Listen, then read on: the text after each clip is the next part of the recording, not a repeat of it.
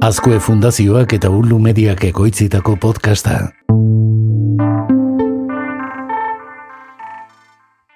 Guraso edo adingabe baten zaintzaile denak osagai finko bat du bere eguneroko dietan.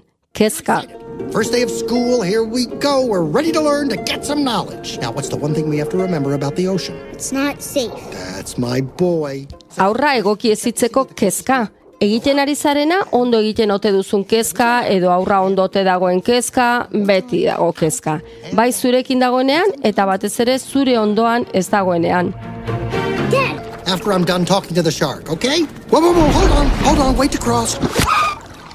Hold my fin, hold my fin. Dad, you're not gonna freak out like you did at the petting zoo, are you? Kaixo, maite goni naiz, eta hau, amar minututan da. Hezkuntza eta teknologia, teknopedagogia, uztartzen dituen podcasta.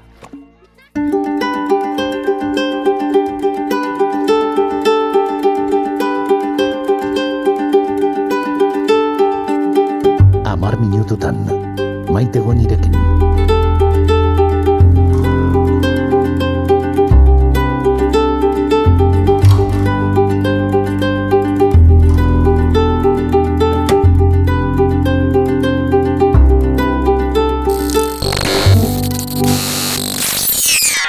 Kaixo podcast entzule, ongi etorri amar minututan saio berri honetara. Eta kaixo zuri ere, oier, zer moduz? Kaixo maite, ondo ondo, gaur, gaur bitu deskantzatuago. Ba, e, prestatu da etorri naiz. Prestatuta, eta hori? Ba, aurrekoan internetaren oian arriskutsuetan hiri ginen, mangladietan, eta gaur ere antzeko arituko garela susmatzen nuenez, ba, prest etorri naiz. Ez dakit tarzan naizen ala txita, baina, bueno, baina, baina, bueno, zoze, bagea. Ba, sentitzen dut esatea, baina gaur oian utzi, eta ur sakon eta murgilduko gara. bueno, erropa, erropa bereziak kendu beharko ditut, eta Bai, onena. buzoa jantziko dut, buzoa jantziko dut. Hori da, hori da. Ba, ia esan preste egon beharra dago, ze gainera, arrisko jaurre egiteko tresnak eskura izan behar ditugu. Ez dago besterik. Bueno, txantxetan ari gara, baina ez da txantxetako kontua, eta e, Ez, ez, ez, ez. gaur tresna horien inguruan arituko gara. Bai, interneten segurtasunez zibiltzeko gurasoek kontrolerako ze tresna dituzten aipatuko dugu. Izan ere, badakizu, hor kanpoan marrazo asko dago. Not a mindless eating machine. If I am to change this image, I must first change myself. Fish are friends, not food. How many of you have asked that same very question to the teens in your life? What the heck are they doing on their phone? Adingabek erabiltzen dituzten gailu edo aplikazio gehienek arriskuetatik babesteko aukera teknikoak izaten dituzte.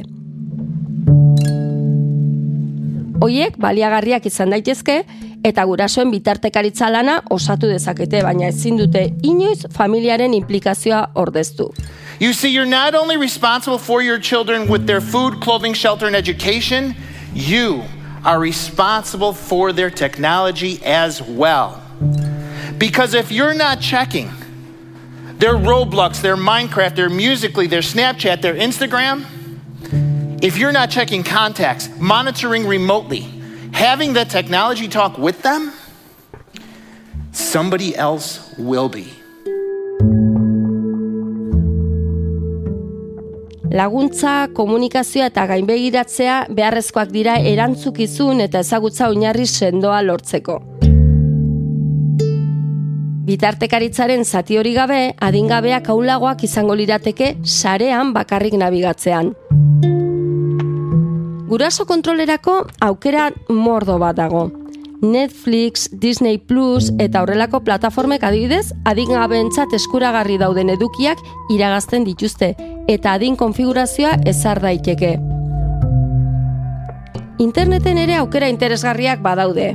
Adibidez, Googleren bilaketa segurua, eduki desegokiekin emaitzak mugatzea albidetzen duena. Gehiegizko erabilera prebenitzen duten sare sozial batzuk ere badira, adibidez TikTok edo YouTube Kids. Alegia, gailu edo app jakin bat erabiltzen baduzue, merezi du tarte bat pasatzea segurtasun zentroan edo laguntza horrietan labur begiratzea ea ze aukera eskaintzen dituzten egiaztatzeko.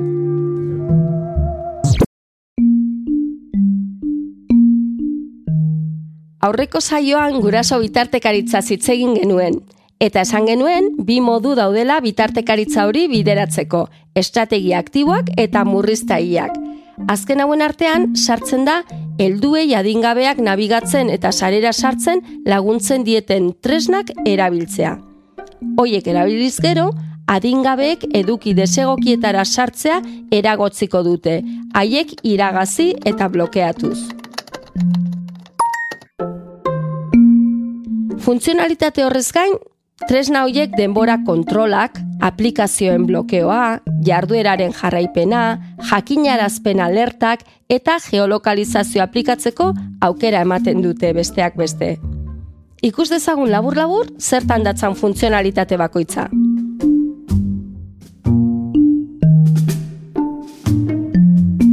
Denbora kontrolak gailu edo aplikazioa blokeatu egiten du, aurrez finkatutako denbora muga iristean. Bloke honek adingabek zenbait aplikazio erabiltzea eragozten du.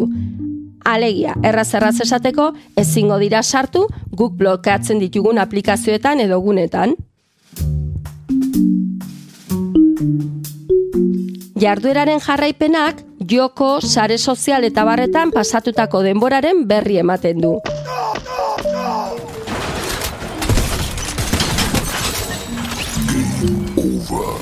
Jakinarazpen alertek erabilera muga edota aplikazioaren baten instalazio eskaerez ohartarazten ditu gurasoak. Alegia, adingabekoa mugatutako aplikazio bat jaisten saiatzen bada, gurasoak jakinarazpena jasoko du. Eta azkenei geolokalizazioak denbora errealean adingabearen kokapenaren informazio eskaintzen du. Gunez berdinak daude informazio oso baliotsua ematen digutenak, adibidez Internet Segura for Kids. E, gune honetan, gurasoen kontrolari buruzko edukia eskuratu dezakegu. Eduki hori oso erabilgarria izan daiteke tresna horiek aukeratu, instalatu eta erabiltzeko. Honako hauek aurki ditzakegu adibidez, aurrentzako eduki esklusiboko bilatzaile seguruak, aplikazioak, aplikazio seguruak, fabrikatzaien sistema eragilek eskainitako guraso kontrola, telefonia operadore guraso kontrolerako eskaintzen dituzten aukerak, eta guraso kontrolerako beste aplikazio batzuk besteak beste. Merezi du e, aipatutako gune honetan sartzea eta a, topatzea ba, gurasoentzako erlaitza edo irakasleentzako erlaitza eta bertan ba, topatuko dugu informazio desiente eta modu oso errazean azaldua.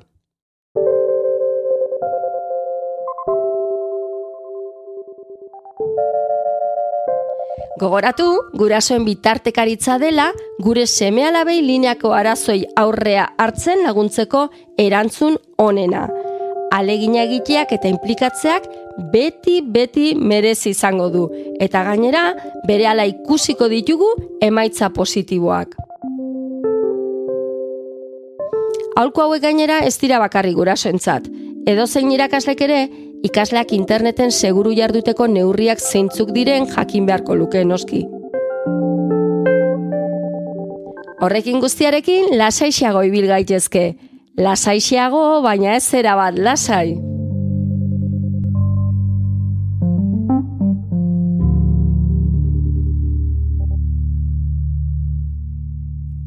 Lasaitasuna izatea garrantzitsua da, baina horrelako gaiekin ari garenean zaila izaten da. Nik komentatu nahi nizun maite, estatu batuetan azken aldian e, boladan, azken denboran e, e, ba, bogan egon den gaietako bat, eta da Facebookek nola egin nahi zuen Instagram bat aurrentzako, eta sekulako polemika sortu e, e, bai e, bertako kongresuko politikariak e, eta bai e, ba, bueno, hainbat e, gizarteko hainbat sektore zeharo kontra agertu dira eta atzera bota behar izan dute proiektua. Bai, normala da, eh? Esan nahi dut kezka hori egotea, eh, ez da gutxiagorako. E, nire ustez, bueno, gai honek luzerako ematen du, eh? beste saio baterako edo hitzein dezakegu honi buruz, baino eskerrak atzera bota dutenik, azkenean beste kontrol erraminta bada eta um, gazteak hor ja bereziki beraientzat prestatutako sare batean ibiltza, ez da segurtasun ingurune batean ibiliko direla baizik, urrats guzti guztiak ondo kontrolatuta izango dituzten ingurune batera eramaten ari gara. Beraz, oso ondo neurtu behar da zein saretan egon litezke daitezken, zein adinetatik aurrera, zenbat denboraz, zertan jardun dezaketen, ikusten duzun bezala gauza asko, eta oso sakonak dira kontuan hartu beharrekoak. Bueno, beste saio baterako utziko dugu, beste, beste otar bateko sagarra da hori, eta, eta aurrera egingo dugu. Oier, gogoratu, beti zurrak izan behar dugula eta babes neurriak hartu behar ditugula. Azkenean hori da importantena. Aurrak ere azten doa zelako, eta irizpideak eta jarrera kritiko hori behar beharrezkoak dituzelako, ez da? Hori da, hori da, oier. Kontuan izan gaina, une batean aurrak jada ez direla hain aurri izango, eta bere kaxa ibili beharko dutela munduan barrena, eta interneten barrena, eta hortik zehar. Adingabek internet erabiltzen duten lehen unetik, komeni da jarraibide horiek praktikan jartzea. Nola nahi ere, beti sartu izango ditugu gure familia rutinan eta alik eta lasterren hasi izango dugu guraso bitartekaritza prebentzio oinarri bat finkatzeko. Gure mugikorrean jolas bat egiteko edo tableta batean bideo bat ikusteko bada ere, ikaskuntza etengabea da, eta ez dugu atzeratu behar. Kalera bakarrik ateratzeko prestatzean gertatzen den bezala, adingabek autonomian eta erantzukizunean irabazten duten einean, logikoa dan bezala, gurasoen bitartekaritza aplikatzeko modu ere evoluzionatzen eta egokitzen joango da. Estrategia horiek hasi egingo dira eta aurrera egingo dute internet modu independente eta seguruan erabili arte.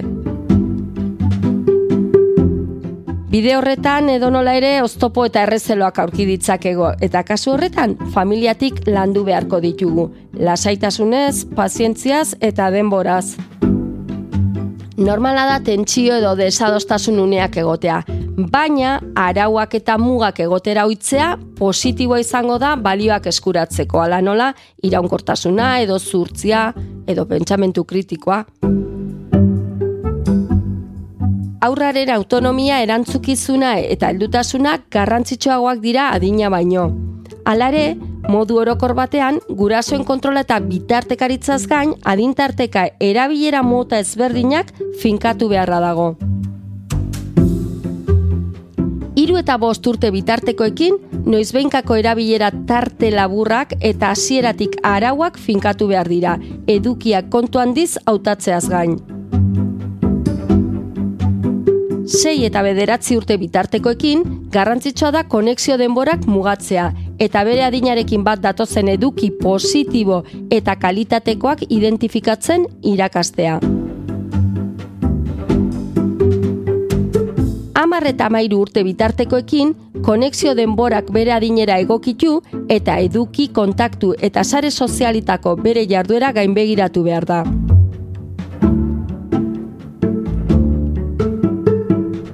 Amala urtetik gorakoekin, konexio denborak eta erabilera arauak bere beharren eta heldutasun mailara egokitu behar dira.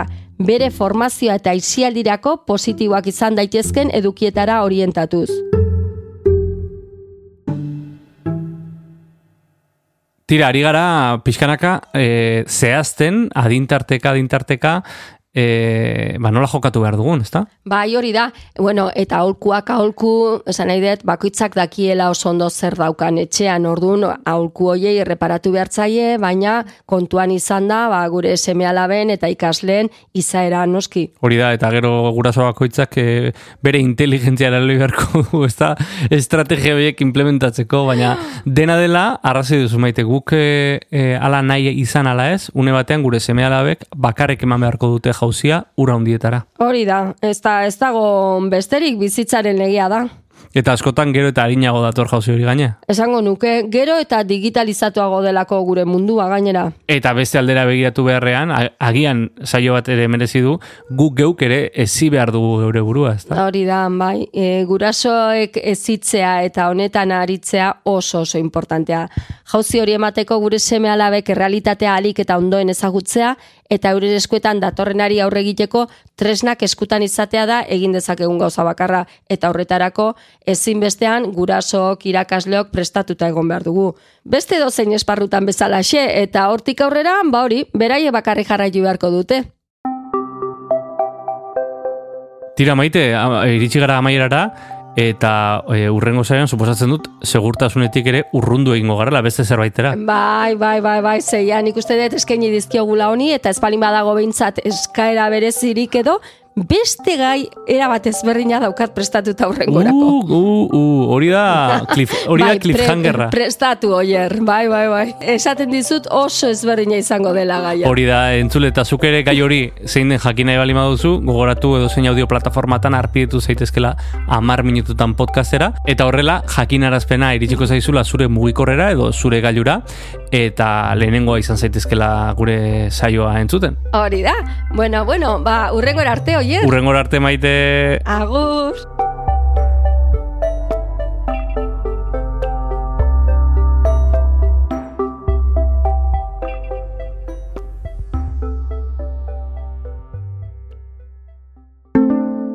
Azkoe fundazioa. Ei, txt, entzun hori. Ulu Media.